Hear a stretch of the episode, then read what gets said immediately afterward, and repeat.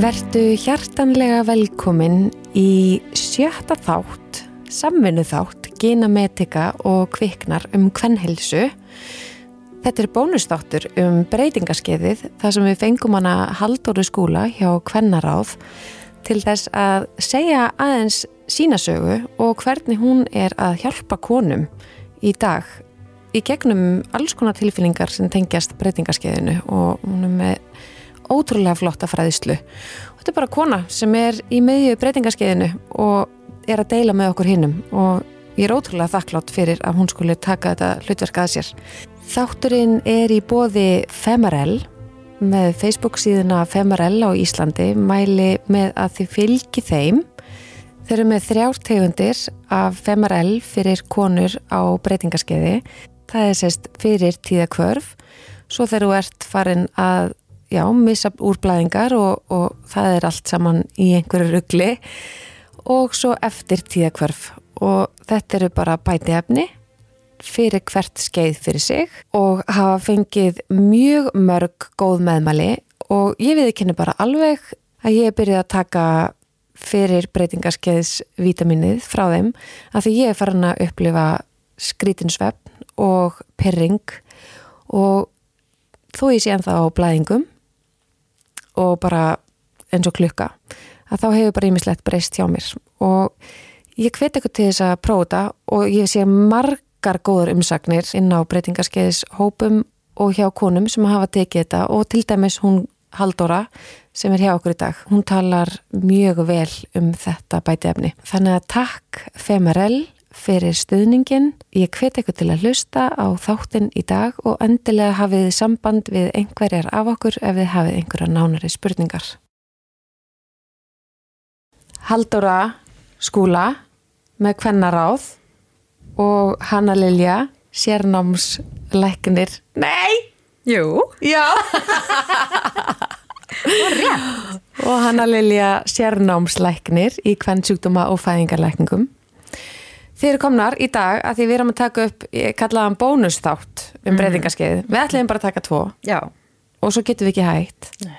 Og við getum örgulega búið til ótal fleiri en ég mæli náttúrulega bara með því að hérna, þið hlustendur, elsku hlustendur okkar, fylgi báðum þessum konum á samfélagsmiðlum þar sem að þær eru agalega duglegar að fræða konur um breytingarskeiðið og, og náttúrulega bara allt tengt kvennhelsu mm -hmm. breytingarskeiðið er bara kvennhelsu mál og í dag er alþjóðlegu dagur breytingarskeiðsins sem við erum að taka þannig þáttu upp Já, 18. oktober. 18. oktober, já. Já. það er dagur breytingarskeiðsins uh, hvenar var þessi dagur settur að stað?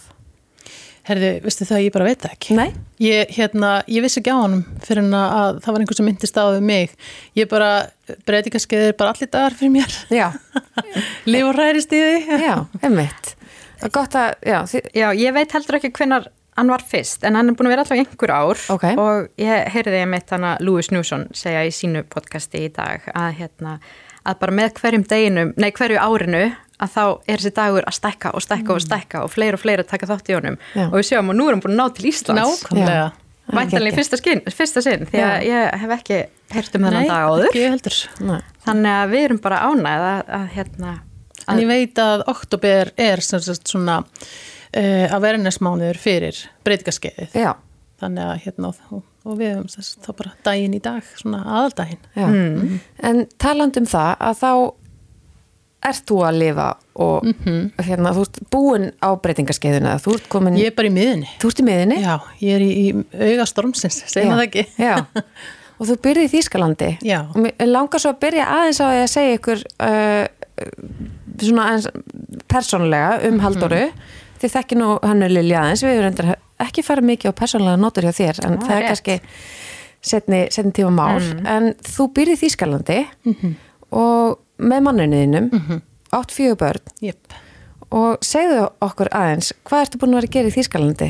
Já, sko, við flytjum Erlendis, byrjum á að flytja til Breitlands Já, og fórum þá með unglingin okkar, besti tíminn til að flytja með 14 ára ungling Aha. einmitt, en þetta var bara eitthvað sem okkur langa að gera og búin að langa lengi og aldrei rétti tíminn, þannig að við völdum einmitt þá bara ekki besta tíman Einmitt. en allt saman hérna bara frábært og, og hérna elsta dóttir okkar, hún varð eftir á Íslandi og hefur alltaf búið hér meðan að hinar þrjár fylgdu okkur svona um, svo bara já, maðurinn minn fekk hérna atvinnutilbóð og við þessum bara akkur ekki mm. -hmm. dóttir mín var þá yngsta þessi hún var 18 ára, þannig ég hugsaði með mér ég verði allavega eitt ári viðbútt í Breitlandi ég get ekki einhvern veginn bara farið frá 18 ára barninu mínu, en í Breitlandi ferði 18 ára í háskóla Já. og hennar bara stærsti draumur var að fá búa heimavist Mhm. og það er bara svona þing þarna þannig að hún ákvaða að fara heimavist þá hefði ég verið bara ein eftir veginn, þannig að þetta var svona eiginlega bara við vorum neitt til að flytja heimann svolítið, Já, já. þannig að við fluttum til Þýskalands bara tvö, tölum ekki þýsku ekki ennþá, við skiljum nú ágætlega en við ætlum náttúrulega að fara á námskeið en svo náttúrulega fór það allt saman eins og það fór Já. og hérna búum í Móseldalnum sem er náttúrulega bara, ef þið hefði ekki farið þangað að skoða myndir þá bara er það bara eitthvað sem þið verið að setja á listan ykkar Mhm. búum þar í svona 5.000 manna þorpi og ótrúlega þess að þá er íslensk fjölskylda þar líka þannig að hérna bara tveim göttum frá okkur sko þannig að það er svona eina fólki sem við þekkjum en annars erum við bara tvö Já. og já, Og þið hafið vantarlega uh, barnlaus í COVID þú og tíðakvarum og maðurinn í ykkur nýri vinnu þetta kynnast upp á nýtt eða hvað? þetta var svolítið hérna, já, þetta var þetta er áhugavert þegar maður horfður tilbaka ekki endilega kannski meðan á því stóð sko, og þarna var ég, þegar við flytjum var ég alveg farin að finna fyrir breytingaskeiðinni, ég vissi það ekki þá. Nei. og hérna það er ekki fyrir en bara hérna eiginlega síðasta haust sem að ég svona eiginlega kemst að því en, en um, þannig við flytjum í burtu bara tvö búin að vera á kafi í lífinu. Þú veist, ég var 20 komið fyrsta barn og 22 með tvíbra í viðbót og 28 komið fjórða barn og byggja hús og gifta, skiljiði Já. og bara á fullu, þú veist, búin að fara í gegnum alls konar veikindi og reyka mitt hérna, fyrirtæki og, og svo hérna yfirleitt með eitt og tengdasenni búandi hjá okkur líka og svo bara allt í þetta er allt í dúnalogn og, og svo náttúrulega bara eins og marga konur á þessum aldrei þegar börninu farin að heiman bara hérna, og hver er þá tilgangurum minn skilur þannig að það var líka bara, veist, hver er ég þá? Veist, og það, þar með enginn. Já. þannig að þetta var rosa skrítið og, og við þurftum jú alveg að fyrstulega bara kynast upp á nýtt og kynast sjálfum okkur upp á nýtt. Og hérna og svo kom þessi auka áskorun að hérna, allt fór í lockdown og, og enginn mátti fara neitt og gera neitt og enginn komst í heims og þetta var alveg fáranlegt ástand.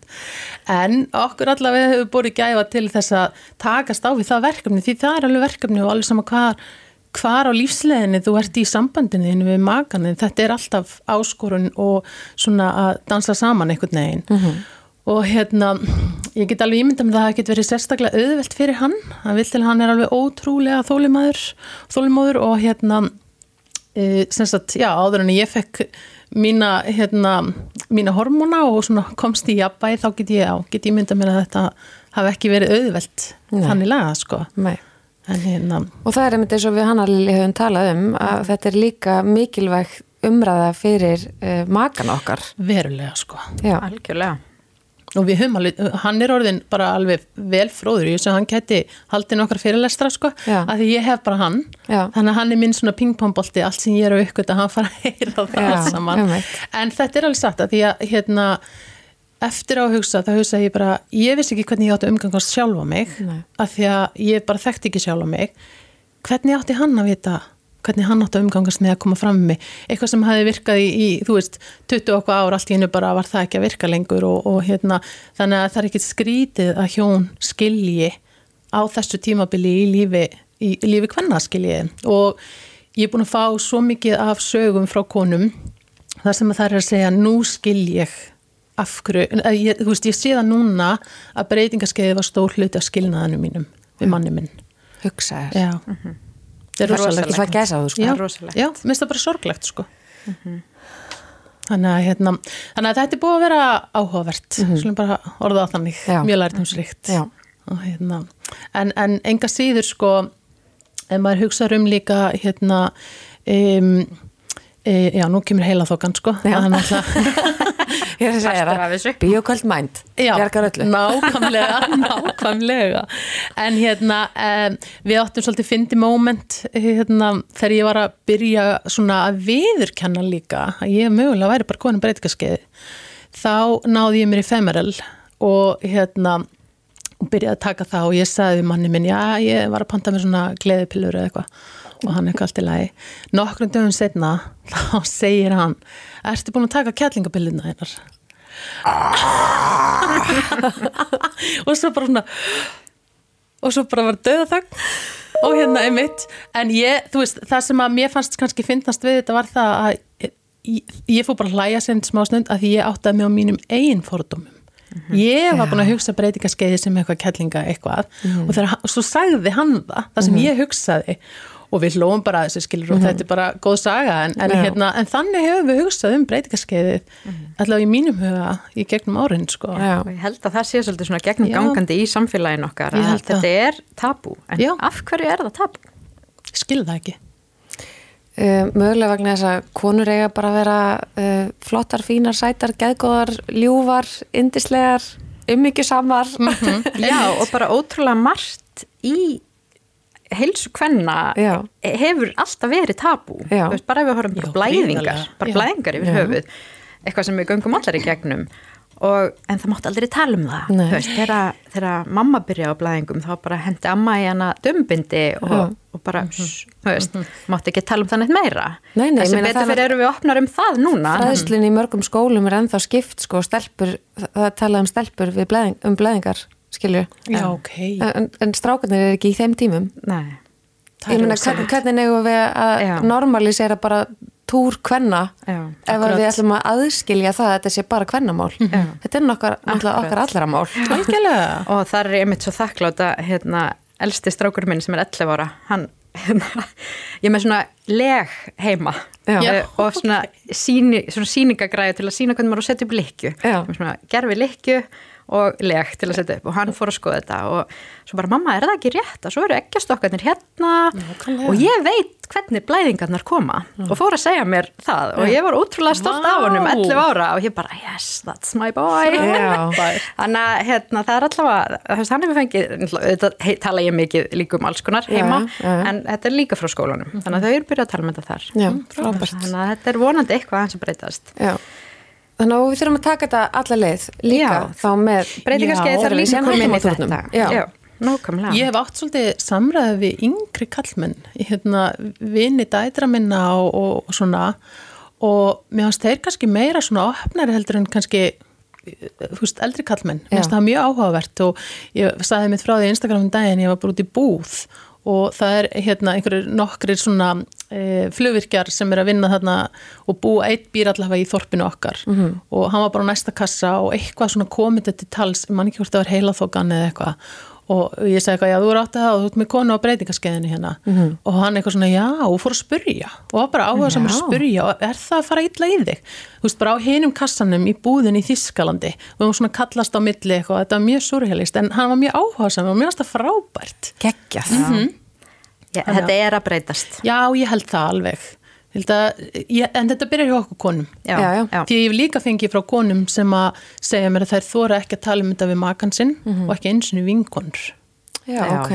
Já, þú veist, og það er, það er slæmt. Og ég hef líka heyrt frá konum sem að segja um, að konur sem hafa farið létt í gegnum breytingaskeið, því það er alveg líka til að það er pínu svona dissa heinar sem er að fara, erfi, eða, semst, er að fara í gegnum þetta erfilega. Já, já, já. Hvað, ég meina, ég fann ekki fyrir þessu ég hef heyrt kemur þessi samkeppni eins og er svo Já. algeng. Að- Mitt breytingaskeið og erfiðar en þitt breytingaskeið. Já, eða já. auðveldar. eða auðvildar í þessu að því að þá ertu hérna, meiri töffari og meiri kona kannski eða eitthvað, ég veit ekki það er náttúrulega eins með fæðingar, sko. já, að leðenda stundum umræða að fara á Já. Milli. Um, sjálfsögur bara bera virðingu fyrir því sem aðra gangi gegnum. Að sjálfsögðu, við getum ekki sett okkur í þau spór sem við höfum ekki staðið. Nei en Nákvæmlega. hvernig byrjaði þitt? Herðu, sko, þegar ég byrjaði að um, það, það er svo erfitt að se- segja það út af því að ég, ég gerir mér núna grein fyrir hvað það byrjaði en þegar ég byrjaði að uppgöt þetta um, þá var, ég var bara búin að líða mjög illa andlega eftir að flutti til Þískalands og fyrst var ég bara eitthvað þetta, vá, það er aldrei skellur inn þegar að börnin, eða ég fyrir heimann Já. og veist, ég held þetta var allt það, sko. En þetta var samt svo veist, ég er búin að vinna í því að hjálpa fólki með hérna, lífstilin sin og andlega heilsu í 20 ár. Og ég, kann, ég lærið fullt í því þannig ég kunni öll bröðin í bókinni og ég var að nota þau öll.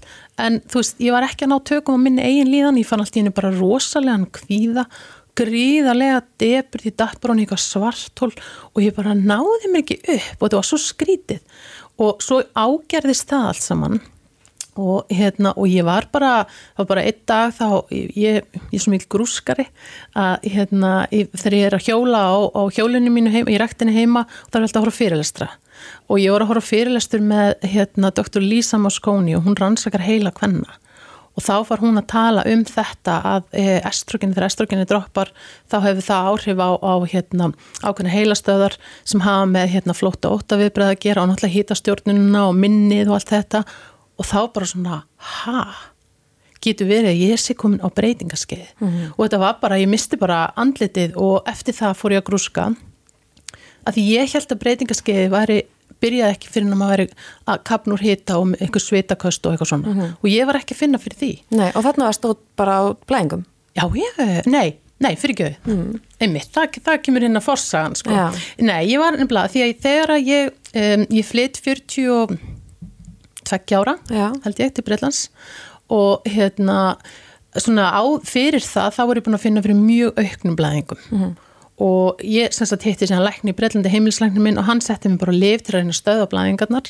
Þú veist ég var samt sko að ég þurfti að fara í styrtu á nóttin og skipta öllu rúminu. Wow. þú veist ég var bara inni fyrstu tvo dagana þó ég var að nota lifin jafnvel. Þú veist þetta var búin að vera e, í ykkur svona tvö ára undan mm. svo leiðist, tvö, þrjú ára undan. Þannig ég er jafnvel fyrir færtugt er ég farin að finna fyrir þessu. Já. síðan hérna grein ég mig sjálf. Ég er það mikil grúskari með prókstrónskort ég er bara svona ok, þetta, ég, ég, ég hugsa þetta er eitthvað tengt hormonum datt ekki breytingaskeiði til hugar mm. það var bara fyrir mömmu sko Um, þannig ég, í Breitlandi gæti ég fengið ávisa mínipillunni, prókistrónpillu mm. án þess að tala við lækni eitt skipti og ég gerði það og ég á svona eins og blóm sem var vögvað ég bara svona, wow, ok, mér lifi betur yeah. þannig að ég held bara ánfram á þeirri pillu en hún hafði það að gera það verkum í hættublaðingu sem var náttúrulega frábært því ég mm -hmm. fekk lífið mitt aftur mm -hmm. um, en hérna þannig að það er rauninni sko upphafið ef, ef ég hugsa tilbaka yeah. og ofan í þetta kemur síðan annað mjög áhugavert að ég fyrir í kulnun yeah. ég bara krassa og lenda á vegnum þannig árið eftir í flutti sem var ekki eftir, það var náttúrulega búið að byggjast upp hérna í mörg ár mm -hmm. og núna upp á síðkast er ég mikið búin að vera að velta fyrir mér tengingu á milli kulnunar og breytingarskeiðsins mm -hmm. og núna skil ég akkur eiginlega bara önnur kona 40 pluss er í kulnun mm og það hefur með þessi hormón okkar að gera mm -hmm. og, hérna, og þú kannski leðir þetta með hann ef ég er að fara með ykkur vittlis en þetta mhm. allavega ég skilða þannig að þegar að eggjastokkarnir okkar hérna e, hérna mingaframlýsluna aðströkinu prókstrunni að þá eiga nýrnahettunar okkar að taka við og fleit okkur svona svolítið í gegnum þetta með að við erum að fara í þessa breytingar en nýrnahettunar hafa líka með streytuhormonun okkar að gera kortisol og adrenalíni uh mhm. -huh. og kortisol, sagt, kortisol og prókstrunni berjast um tilverurétt og ef við hugsaum um, um þetta út frá bara þróunarsögunni þá hefur nei, hérna, streytuhormonin alltaf vinningin því það er survival skiljiði. Uh mhm. -huh. Þannig að þegar kortisólun okkar eru há og þá er minna um, í gangi með hérna, prókstrún estrogen. Mhm. Það er búin að upptaka viðtakana Já, og, nákvæmlega. Og, og þá virkar estrogeni ekki hjá okkur. Síðan þegar við fyrum að hérna, dettin á breytingaskeiði og hérna, okkar framlegslega ekkast okkur fyrir að minka og nýrna hérna ætti að taka við, þá erum við búin að reyla svo á þeim að því að við erum svo miklu naglar og við erum svo að gera allt og í öllu og þá, þá taka nýrnahetnar ekki við því það eru bara, ég er bara, sorry, ég er bara batterinu búin mm -hmm. og þá, þú veist, þá fáum við ekki þessa, komur að segja, þetta búst eða svona, komur að segja, framleggingu í rauninni. Já, sem það er ætt að taka já, aðeins við já, og veist, framlengið aðeins. Já. Því svo, en svo líka östrogen myndast líka í fytuvef. Já. Og og þess vegna fara konur ofta að bæta eins á sig Stýnum að koma með varatek Já, á þessum aldri, mm -hmm. út af mhm. því að líka mann er bara, ég er að missa alltaf östrogeni mm -hmm. mitt ég, mm. og fytuvefur myndar smá östrogen, -hmm. reyndar lélægri típu heldur Já. en ekki að stokkandir þannig að það er ekki eins potent, ekki eins gott en, en þess vegna höldum við í fytuvef á Já. þessum aldri Já. við verðum bara að reyna að halda, halda þessu östrogenleveli aðeins áfram, aðeins mhm. lengur Líka með eitthvað svona sjálfs bjargar viðleitnis móti. Já, og og þess, þess vegna upplifa konur rosaft það er bara svo erfitt með að léttast. Þingdastjórnun verður bara allt í, nú er kannski alltaf verið bara um, bara í einhverju þinni Já. kjörþing, þú veist, og svo bara allt í náttúrulega 5-10 kílóum þingri og ekkert breyttist Nei. Nema bara að þú ert kannski að nálgast Já, breytingarskeiði. þetta var algjörlega mitt, ég hef alltaf verið mikill reyfingu, passa upp á mataræði og verið bara í fínu formi uh, allt í hennu bara einmitt alveg sem að hvað ég gerði. Og hvað gera konur þá? Við keirum ennþá hraðar og meira og harðar.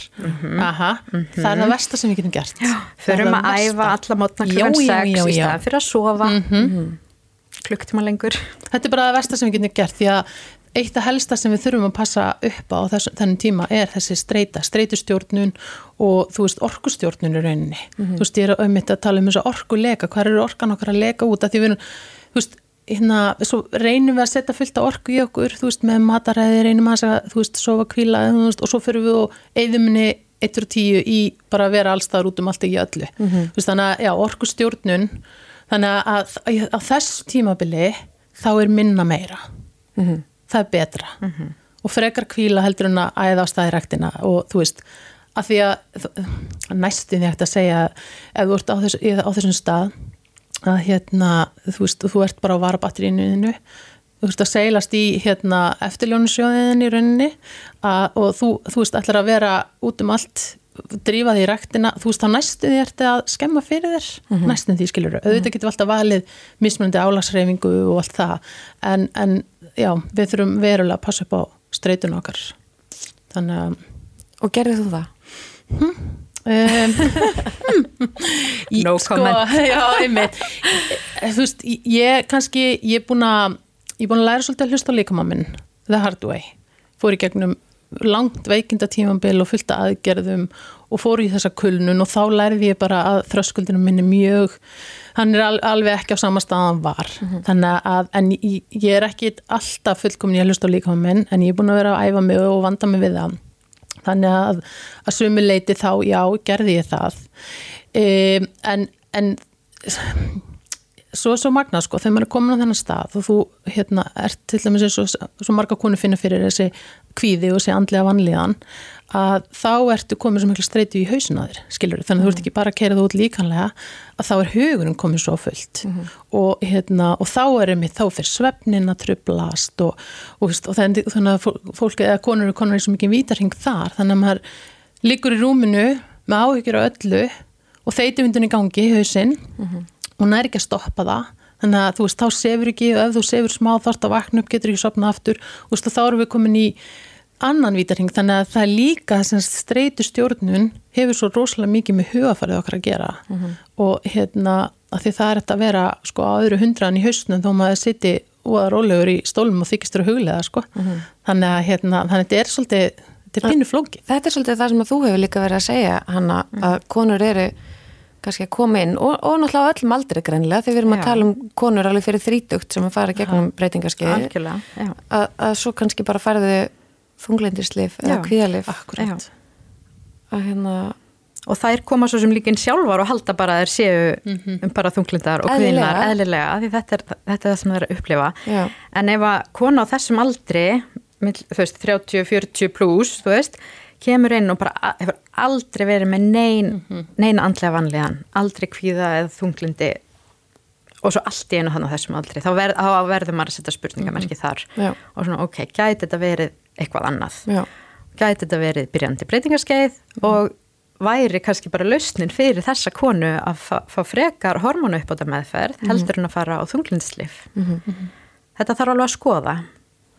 En þá þarf náttúrulega vantarlega að auka fræðslu til sérfræðinga, eða þú veist, lækna og svona, það er ekkit alltaf nóg að þau bara, á, þeir ákveða að taka málinn í sínar hendur og fræða sig að hlusta á pot, ég meina þú ert náttúrulega augljóslega búin að sökka þér í þetta.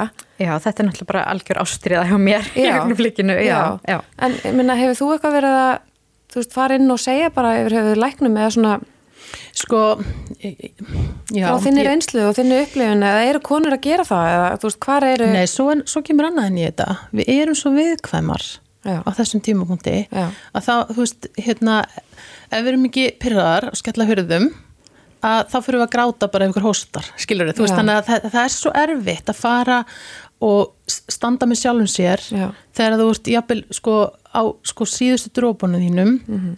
og þú ert farin að halda að þú sért bara búin að tapa, þú ert bara að missa það og það sé bara að þú sért crazy og en þú, þú innstinni þá finnur þú samt að það, þú veist, það, það er, þetta eru hormónin og það er eitthvað, skiluru og svo ert að fara að standa fyrir framann faglarðan sérfræðing sem segir þér eitthvað allt annað.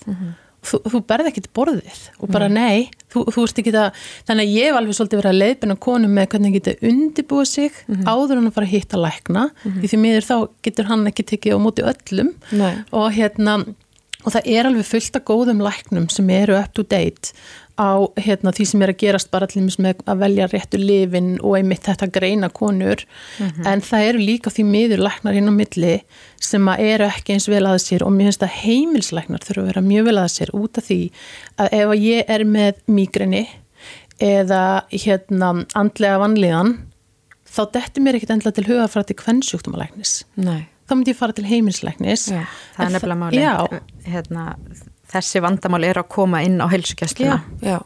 og það er þar sem að, að uh, þurfum að bæta í, í fræðsluna. Já. Já, því þeir, þá þurfa þeir bara að vera með svona, ok, þetta ringir hérna bjöllum, þetta eru rauð flögg, skiluru og ég hef alveg heyrt frá konum sem hafa farið til síns heimilslæknis og hérna farið fyrst og fengið hérna alls konar önnulif, fengið svepplif, fengið geðlif, eh, hérna fengið mígrinlif, eh, síðan fara aftur þegar við erum búin að tala saman og þá hérna vísa læknirinn þeim bara í burtu, hann veit ekki um breytingaskeiði. Þá erum við að tala um heimilslækni. Já.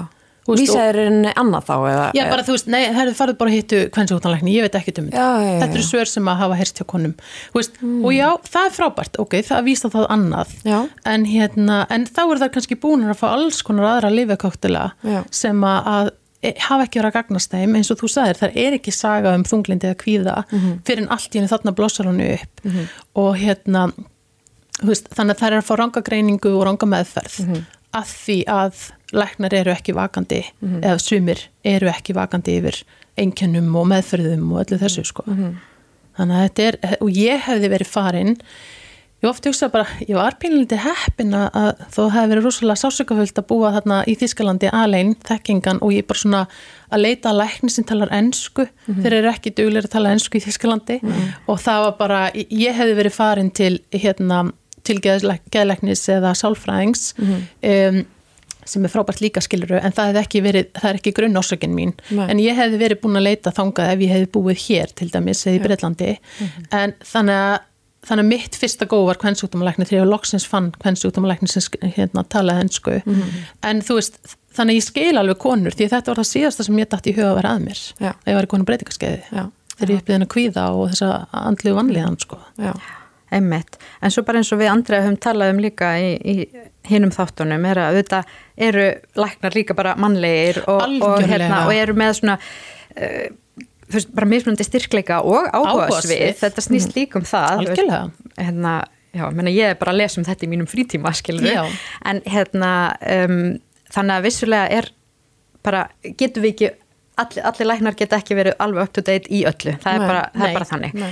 en það væri svo frábært eða væri til dæmis á hverju heilsugjæslu stöð um, einn svona læknir sem væri svona hérna hefði áhuga á kvennhelsu væri eins og er í Bretlandi það er oft setja sig inn í svona málin. women's health specialist á, á mörgum svona heilsugjæslu stöðum í, hérna, í Bretlandi til dæmis. Og það er og já, sem sinnir því já, til- svona sem fyrsta skref. Já, mm það hérna, væri náttúrulega bara mjög flott. En og ég veit að heilsugjæslan er að byggja upp svona, svolítið, svona mótel og, og það er svona tilrunaverkefni núna fyrir að opna svona hvenna miðstöð. Já, ekki svona hvern tengt heilsugjæsla. Já. á hérna uh, já, bara við um þróunastofu þannig að það er, er líka svolítið spennandi sko. En er þetta yfir höfu bara inn í lækna náminu? breytingaskeiðið? Já. mm, ekki mikið, nei. Nei. Veist, þetta er náttúrulega nefnt og það talaði eins um breytingarskeið og rétt sagt, þú veist, já. En ekki um allt þetta. Nei. og öll þessi 50 enginni sem við getum mögulega fengið eða hvað þau eru, þú veist og, og hvað er í rauninni miklu breyðara en ég gerði mig grein fyrir. Mhm. og byrjar miklu fyrir en ég gerði mig grein fyrir bara fyrir árið síðan, sko. Um, þannig að nei, það er ekki og ekki eins og í sérnáminu í kvennsjúkdómalækningum að það er ekki, ekki neitt mikið, þú veist það er kannski eitt lítill kurs, er námskeið einn dag eða eitthvað, þess að mér aðeins farið í þetta og meðferð, mm -hmm. en þetta er ekkit eh, Sturlun og, og það sem við kunnum um þetta er einmitt bara það sem að maður lesir til sjálfur eða fer á ráðstöfnur um þetta mm -hmm. og og þess aftar. Sko. Já, svona þú velur það. Já, velur það svolítið. Já, ég veit að þannig er í Breitlandi mitt, mástu, það, við vorum ekkert að ræða það, þar er þetta svona val, hvort þú tekur þannan kurs um breytingaskeiði. Já, Já, til að verða svona menopause specialist. Hérna, þannig að nei, því miður er ekki mikil áhersla á þetta heldur í, í sko sérnáminu. Nei. Og okay. ég veit ekki hvernig það er með heimilisleikna sérnámið. Nei. Mm. Þannig að greinlega bæði þurfum við að hérna aðeins að svona pikki í læknana og, og læknanemana sem að til mhm. dæmis eru bara læknanemar sem eru að hlusta það verður mm, kannski sniðut að því myndi já, tala við ykkar kennara og, og þá sem eru að búa til námið ykkar mhm. að þrýst á að þetta verði tekið dýbra og betra og, og hérna, þannig að því sem undibúnari mm -hmm. fyrir ykkar störf í fremtíðinni, hverju bara vonandi eitthvað leknunni með að hlusta. Sem nennir að standa í ykkur svona vesenni að breyta og bæta og eitthvað svona. Já, mér finnst allavega alveg frábært að, að það er alveg nokkrir ungir leknar búin að hafa sambandum með gegnum Instagram profílinn og þú veist, er að lýsa yfir áhuga á þessu og einmitt bara ein, ein ung sem er að byrja í sérnámsprogramminu í heimilsleikningum sem var að halda fyrirlestur og sinni heilsugjastlu um þetta og ótrúlega flott hjá henni. Og, veist, og, og hún fekk mikið lof fyrir þann fyrirlestur og svona þannig að Svo heilsugjastustöð var bara mjög ánað með þessa fræðslu já. og hérna, já. Geggjað, af því þetta líka, ég held að þetta snerti líka bara, þú veist, fólki í mótökunni, sko, bara þegar, þegar konur kom inn, skilur, mm -hmm. í alls konar líðan og mm -hmm. vannlíðan og bara hvernig þeir einhvern veginn tekið við okkur mm -hmm. þegar við erum í alls konar sveplum sem við mhm. áttum okkur ekki einu svona á kannski sjálfur að við séum mhm. að viðmóti sé og svo þegar þú farið til hjókunumfræðingsins eða lækningsins að sé mhm. eitthvað svona Hmm, já, geti mögulega verið að hérna... Þetta er alveg, þetta er rétt sko og það sem ég uppliði mitt, ég, ég þú veist, maður finnur fyrir þessum kvíða og maður reynir að gera alls konar hluti og svo er ekki að ganga þannig að þá var ég fyrir ennþá mér kvíða. Já. þú veist, þannig að þetta er bolti sem stækkar. Mm -hmm. þú veist, og maður er bara svona hrættur, er eitthvað að koma fyrir mig? Þú veist, hvað er að gerast fyrir mig? Hver, veist, hver er ég, hvað er að gerast? Já. þannig að, einmitt, maður er í alls konar ástandi eða konur er í alls konar ástandi, einmitt, þegar það er komin á heilsugjastlu, loksins kannski að leita sér aðstofar, því að það er annað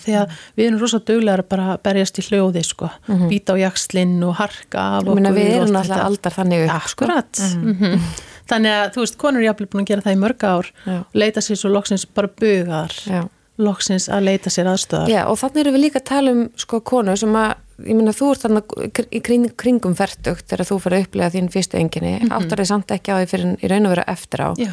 og hvað þá konur sem eru yngri mm -hmm. Akkurat, Skilur, Akkurat. Þannig að, þannig að það lítir að vera ennþá erfiðara fyrir þær og áfall að síðan þú veist, veru með allir enginni náttúrulega hvart ekki að þeim breytingarskeiði og hvað þá síðan að fá þá greiningu já. Já, já.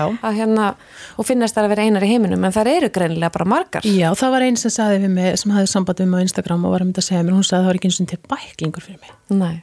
hún bara þetta gerist bara náttúrulega á hérna ég held að hún hafi farið í aðgerð sem að þá farið bara breytingaskeiðu einni nóttu skiluru já, þér. og hérna og svo var einnig önnu líka sem að, að ég veit einnig ekki ástæðan en hún var einnig líka tókundi þetta að það var ekki eins og niður til bæklingur, ekki neitt. Nei Veist, þannig að engin fræðislega ekkit utanum halda ekki neitt Nei. því að það, það eitt og sér er líka bara veist, erfitt andlega allt í hennu bara, þú getur ekki eignast fleiri börn og, og einmitt er mm. bara konar breytingarskeiði og ekki nómið það, jú við þurfum að þú veist þetta er svona getur í 10 ára ferli en það er að við erum að sjá fram á sko 20 ára ferli ef ekki meira skilur eftir hvað það eru gamlar mm -hmm. það er erfitt En hvað engin er þetta sem þú upplifir kvíða? Já, ég upplifið kvíða. Um, ég, eitt sem að mér fannst mjög áhugavert að ég vissi ekki að veri það var hérna í mann eftir um, síðasta sömar í svolítið langan tíma þá upplifið vaknaði bara nætunar og mér fannst eins og var eitthvað skriðundur húðin á mér. Ég veit það. Þetta, ég var líka bara veist, ég, ég, ég er ekki með neitt ofnæmi, ekki neitt aldrei fundið neitt fyrir þessu. Nótt eftir nótt var ég að vakna og það var bara eins og mér klæði út um allt og það var bara alls og var eitthvað skriðundur húðin á mér. Herðu, heitir, minnir þetta heitir fornication eða eitthvað leðis þá þetta er bara þing og tengt breytingarskeiðin, ég átti ekki til orð. Mm, Það er mögulega svona mín ve- versta Aha, martröð. ég veit það. Það var skrítið bara svona bíómyndi það sem er eitthvað svona veit húðuna fólki. Já. þetta var Akkurat. hræðilegt. Húðkláði, Húðkláði, já. tinnitus, eyrnasuð. Það bara, ég, þú veist, það var bara endal suð og són fyrir eyrunum og kom kona á námskitt til minn um daginn ef var fyrirlestur. Og hún sendi mér bréfið mitt og hún sagði bara ég fór að gráta þegar ég heyrði þetta um eyrnasuð svo ég er búin að ganga til læknis og það, bara, það er ekkert að mér og ég er bara að verða bíluð og bara nú skil ég hvað er að gerast. Þú veist, þannig að það, ég, mér er aldrei dótt í huga eyrnasuð, þetta tinnitus geti verið um, þú en, en þú varst með það á tímabili. Er það orðið betra núna? já, já og lagaðist það ég- eftir þú fórst á hormón eða hvernig, já, já. ok, Og ég, en ég finn það það, veist, ég, það blossar aðeins upp ef ég er í streitu og ok, álægi ok já. þannig að það var mjög áhugavert emitt, það fór sko. Já, þannig að það er ekki eins og hormónandi bara svona bjargi í málum, þú getur síðan bara kert og kert og nei, kert nei, og nei, kert. nei, nei, Nei. Þú þarft að Alls líka sjálfsátt. ekki. það er nefnilega Já. málið og, og veist, og það er og hormónar eru ekkit endilega lausnin fyrir allar Nei, nei, nei, konur nei, nei. Þú Veist, það, og það er bara einstaklingsbundin ákvörðun sem þú þurft að taka bara upplýst ákvörðun. Sumakonur vilja alls ekki fara á hormóna sumakonur geta það ekki eins og við höfum talað um. Og, og svo er það bara kannski ekki töfra löst fyrir sko. ekki. Og, og þó að þú byrjir á hormónum þá þarftu kannski að svona aðlaga skamtin, það þarf að auka Mhm. það þarf að minka kannski þú veist, meira östrogen, meira progesterón þarftu testosterón mm Mhm. -hmm. er, og sumar konur sakna meira östrogens Mhm. en aðrar konur sakna meira testosteróns þannig að það er bara svolítið misjamt Mhm. hvaða skamtur hendar hverjum og það fer ekkert eftir einhverjum blóðpröfumælingum nei, Nei. nei, það er bara, Er þessi- við þá förum við bara út frá einkennum já Akkurat, Og- en er þessi, þessi 50 atriða listi til eitthvað starf aðgengilegur? Einmitt, já, akkurat, ég hef verið að benda konum minn á vefsíuna mína bara því ég þýtti lista frá Louis Newson Ok. og setti þeirra því sömur þeirra skildan ekki á ennsku sem er ekkert mál, en það er einmitt, akkur getur maður ekki bara farið eitthvað starf Já, en bara svo þunglindiskvarðapróin. Já. Þú veist, alls En, konar próf sem þetta er tekur. til á ennsku, við þurfum bara að þýða það er þetta nefnilega málið, þetta er á ennsku Þeir eru komin með verkefni. Því það er svona checkbox lista. bara ekki spurning. En svo er þetta hvert á að beina konum? Akkur getur, getur ekki farað á heilsugjastlina bara og herri, það er eitthvað að mér og þú ferði mitt í einhver tech, þú veist, Já. svona techbox og eitthvað og bara, ó, mm, breytingaskeiði já, hér eru fleira enginni, ég ætla að tjekka á þessu. Skilur, akkur ekki? Þú veist, þannig að hérna, þetta er bara svona þetta er hjá mér og þér og veist, hér og þar einhvern veginn, Já. það er útrúlegt sko En hvað fleira varstu með? Hvað? Sko varandi enginnin Mhm. fyrst kannski það sem ég fór að finna fyrir og ég veit núna var lækandi prókistrón, Já. það var þessar miklu svona flóðblæðingar Já, sem ég fór að finna einmitt, fyrir uh, auki migrun og höfuverkir og nætursviti og svona pínu skapleitingar Mhm. þetta var að gerast þarna þegar ég var svona 43 ára 42-30 ára Mhm. Hvað ertu gömul núna? ég er 48 Já. þú veist þannig að hérna ég var enga veginn að tengja þetta við breytingaskeiði en það, þetta, er svo, þetta er alveg lýsandi fyrir það að prókistrónin sé byrjað að lækka sem byrjar að lækka fyrst yfirleitt og hérna e, þannig að það var svona á undangengið um, aukþurkur um, hérna hjarsláttartrublanir eða svona eins og hjarta væri bara æð út úr brjóstin á mér skiluru og hérna um, hvað, nú, já, mitt Eru sjóntublanir eitt af þessu? Já, geta verið það. Já, ég veit að konur hérna, já, finni fyrir og hérna, en hérna En hvað ertu þá, veistu hvað þú ert stödd þá í þessu núna? Ertu hægt að hafa blæðingar? Já, því ég náttúrulega fór þarna á pilluna lyfina, og svo já. fer ég bara á hormón Já. og þá er ég, þú veist, hætt af blæðingar eða semst heldur það ánfram Já. e, þannig ég veit reyndar, e, þú veist, reynin ekkert um það e, einu sem ég veit bara að hérna, ég er konum betri stað en ég var á hérna þauks í hormónum, þetta er bara my precious, sko og hérna veist, þannig að ég er eitthvað starfinn í miðinu það getur tekið einhver, þú veist, nokkur ár Mhm. e, en síðan náttúrulega bara er að eitthvað annað sem tekur aðeins við eftir, eftir þú veist, það er aðeins eftir kannski öðruvísi. tíðakörfin eftir það er aðeins, tíðakörfin, já, aðeins já. sem geta komið kannski meiri svona myndlega ganga þurrkur Já. og svona ertingi þváblöðru og, og Mhm. svona já, það sem heitir svona genitourinary Mhm. symptoms sem er þá á kynfærasvæði og, og þvagfæra í þvagfæra kerfinu Mhm.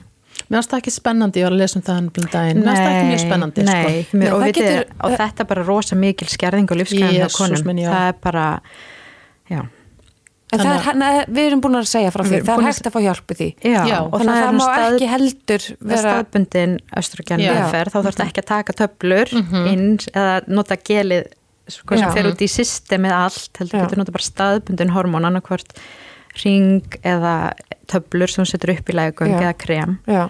Þannig að þetta sko kynfrelsið er ekki dáið þegar þú er komin í gegnum tíakvörn. síður en svo. Nei, einmitt. síður en svo.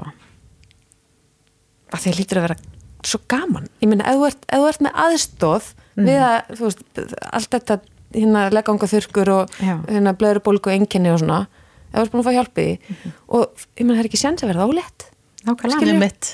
Þú bara, Svolítið mikið kynfrelsi. Já, algjört já. og ég minna við megum ekki gleyma því að þú veist, karlmenn ganga líka í gegnum þetta og, og þeir fara líka í svona erfiðleika með ris og, og þess áttar, sko, Já. úthald og svona. Þeir fara, fá sér bara viagra. Mm og, og þú veist akkur megum við þá ekki bara líka Já. nota vakifem eða, Að eða óvestín krem til Já. að aðeins að hjálpa okkur að sjálfsögðu. geta líka haldið áfram á stundum kynlíf og noti þess á Já. þessum frábæru árum. Akkurat, af því að það er annað líka sem að mér er svo áhugavert. Og getur, ég er rosa mikið að tala um sko allt þetta neikvæða og hræðilega við breytingarskeiðið og, og þú veist ekki bara það að maður er að upplefa vanlíðan og allt þetta, bara konur eru útsettari fyrir mjög bara eins og þeir eru auðvitað búin að tala um náttúrulega í þáttunum, bara öllum þessum hérna, sjúkdómum sem við erum útsettari fyrir ef að við erum ekki að díla við þennan hormónaskort og hérna veist, en, en það fylgir þessu líka svolítið og ég gerði einhverja könnun á Instagraminu mínu vor og var svona með fullt af spurningum og fekk alveg frábær svör og það sem var svona svolítið gegnum gangandi er svona hvað er jákvætt í breytingaskeiði Já. það er þetta, veistu það, ég bara ég tek ekki vinninu krapp lengur sko.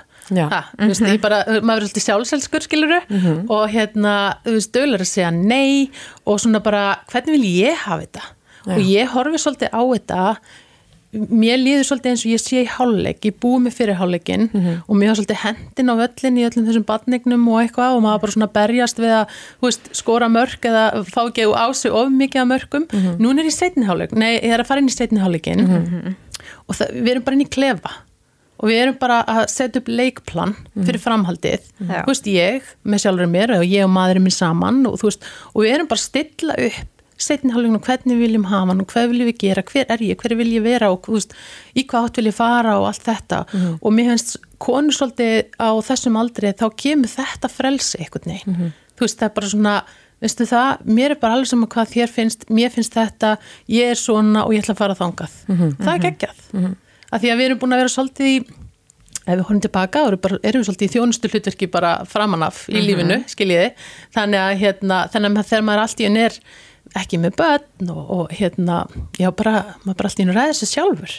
Þá, þannig að það er kannski svona jákvæði punkturum við breytingaskeiði þegar að maður er hins vegar maður þarf samt að komast, koma hinn í lag. Já. af því að þegar þú ert bara að farast og kvíða eða þunglindi eða ert með hérna, endalus migrini eða skilur allir þessir hérna, þessi enginni sem geta verið að plaga þá ert ekki að fara að gera mikið, skilur. Út endalus þreytt við liðverki og veðaverki og þú veist það, veist, þá ert ekki að fara neitt. Þannig að við þurfum að koma því í lag. Og það er að mitt annars vegar hormónum meðferð fyrir þær sem velja og geta.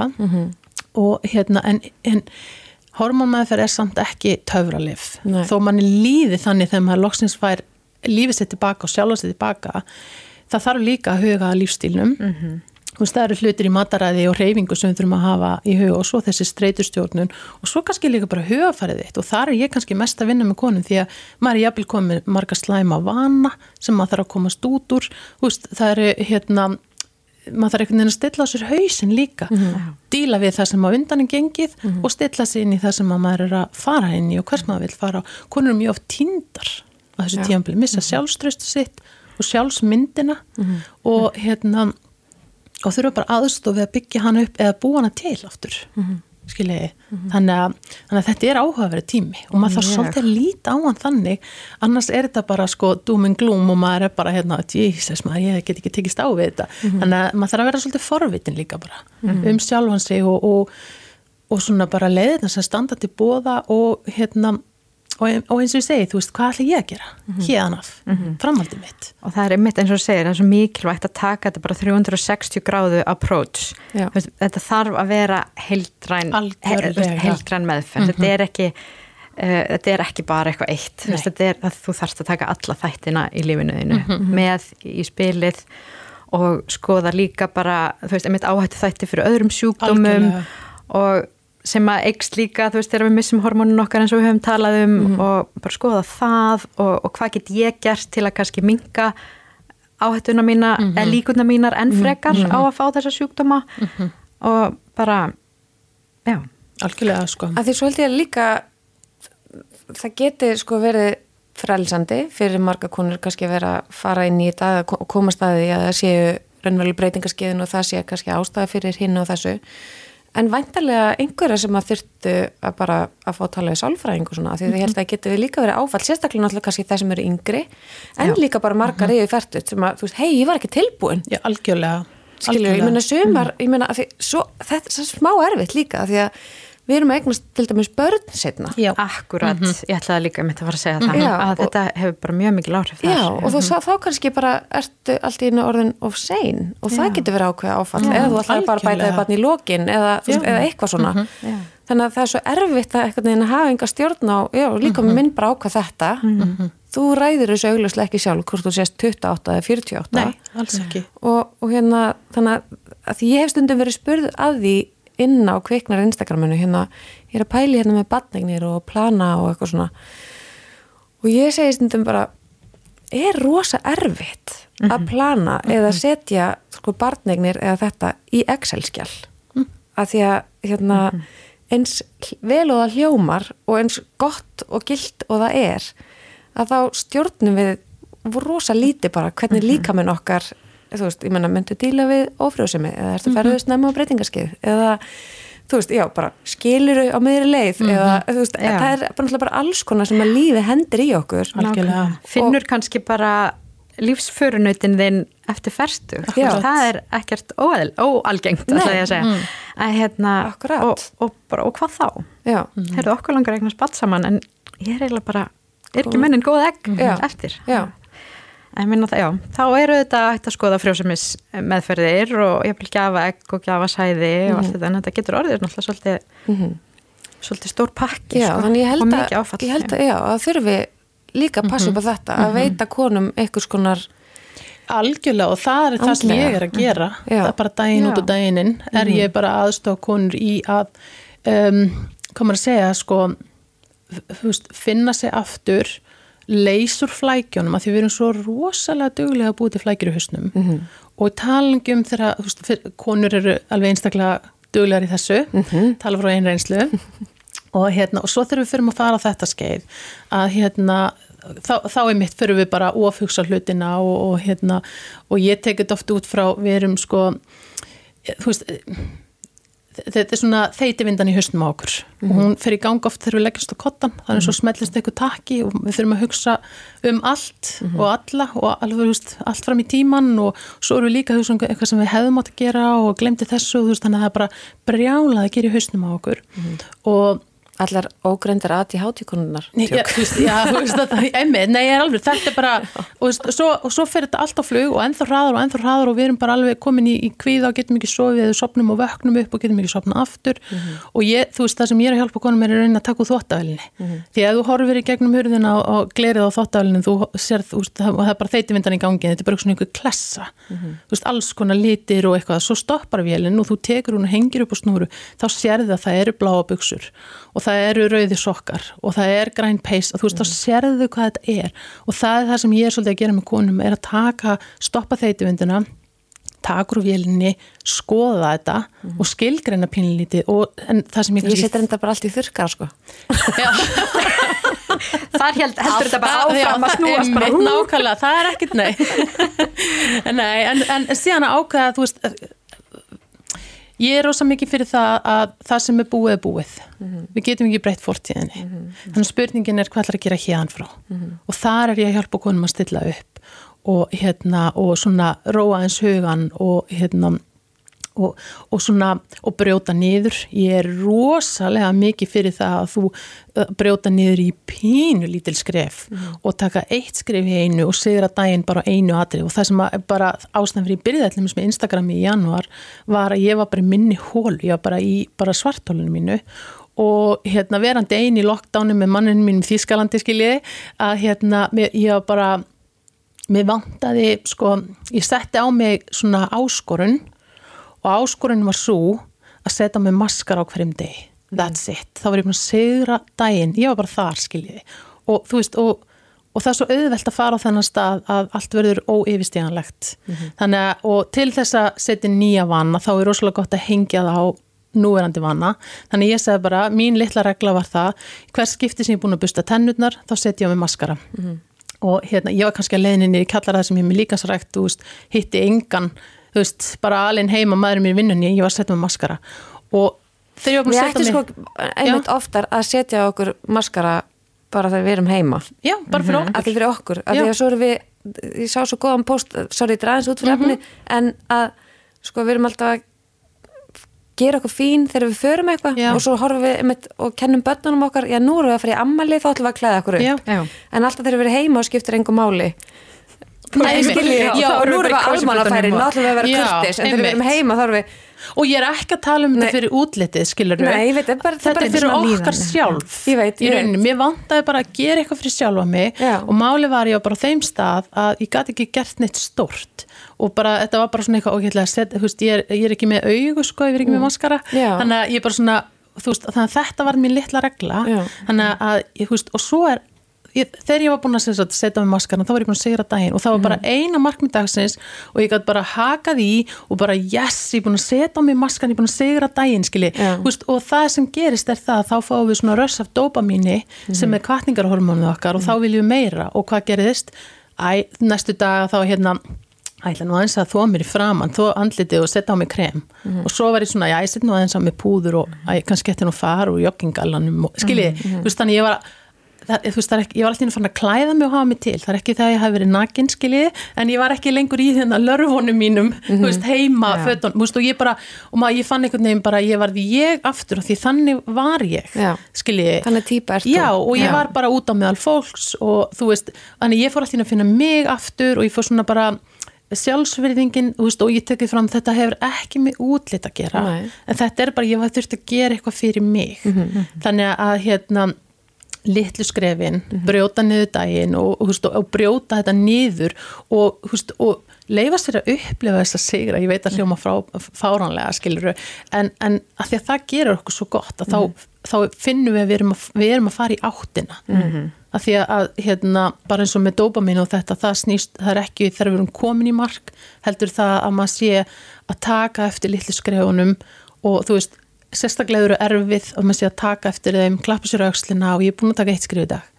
Ok, frábært, ég stóð mig vel. Svo kemur næsti dagur, yes. Búin að taka annað skrif og stundum eru það aftur og bak skilji Já, ég ætla að segja þessu stundum er það aftur á bak Stundum er, já, Já. og það er bara líka það er líka, já, já. og þá þá maður að sína sér sjálfsmildi. Þá kemur það inn í.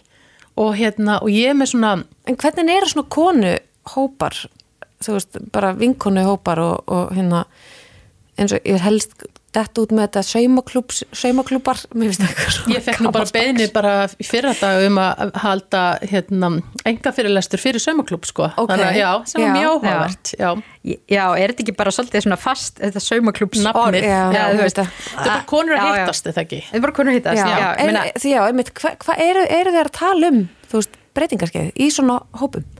Nú er ég bara alveg í Þýskalandi, þannig ég veit það ekki. Já, ég er ég er, veist, ég er aðeins yngri, ég er, er 37, en hérna, þetta er kannski ekki alveg svona byrjað hjá mínum vinkunhóp, en, en, en ég er náttúrulega með, með mitt áhugasvið, tala rosa mikið um túr og tíðarring og þannig að ég er svona þvinga vinkunum mínar svolítið í það, en hérna, en það er engin svona alveg svona komin kannski á þetta skeið. Nei, en- það er ólíklegt að einhver að þeim sko slæti gegnum þetta aðeins að taka eftir því Já. út ef eru, ef þær eru með mér Já ætlum að, auðvitað öll að hafa eina hönnuð haldur í vinkunum Já, Er þetta kannski breytingarskeið? Er þetta kannski breytingarskeið? Það eru alveg konum við smá leið á mér það er bara, hana, við erum ekki orðna svona gamlar en þú veist það, En ég meina, ég var undir færtugu Já, þegar ég það fór er að finna fyrir þessu. Akkurat. Og bara, þú veist, út af við erum svona aðeins á persónulega nótunum, þá er ég bara ekkert frá því að ég sé farin að finna eitthvað aðeins fyrir þessu, þú veist, aðeins styttri tíðarringur verri fyrir tíðaspenna Akkúrat. meiri höfverkur rétt fyrir blæðingar, þú veist, þetta er eitthvað sem ég var ekkert að upplefa fyrir tveim árum sko að ári. Þetta er ég bara að taka eftir núna. Já. þannig að ég samt alveg á reglumblæðingum en þá þær geta verið reglulegar þó að enn mitt bara þessi pínu breyting á. Já. tíðarhingnum einmitt þetta enn stittri, meiri eða minni blæðingar það getur verið stundum svita kofanóttinni Já. rétt fyrir blæðingar Hanna mín, þú ert, þú ert bara- komin á breytingarskeið, ég er að segja ég bara það. held það ég held það sko Skálum. Já, Er það ekki máli? Já, við verðum að reyna að fagna hérna þessu, þessu skeiði og fagna allavega umræðinni. algjörlega. Já, bara vera meðvitaðar þú veist, einmitt, þetta, þetta, bara burt með tabúið eins og hashtaggi sem að Já, Halldóra ég kom með. bara- Mhm. Ég burt með af hverju þetta tabú.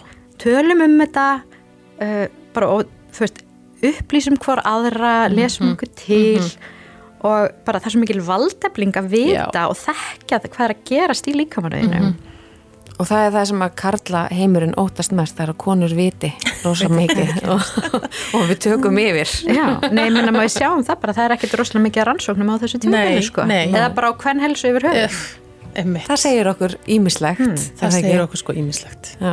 bara... Er eitthvað sem þið vilja koma svona á framfæri til hvenna í síðasta þættinum um breytingarskeiðið? ég bara þetta þarf alls ekki að vera feimnismál og ég held bara að ég, ég man eftir ég hugsaði um það eftir á þegar ég var búin að posta fyrst á Facebook einhver um breytingarskeið og ég, það er hvernig ég upplifiði og allt þetta. Og ég, mér var svo veist, þegar ég var að posta því þá hugsaði ekki út í það hugsaði ekki tvisar um það.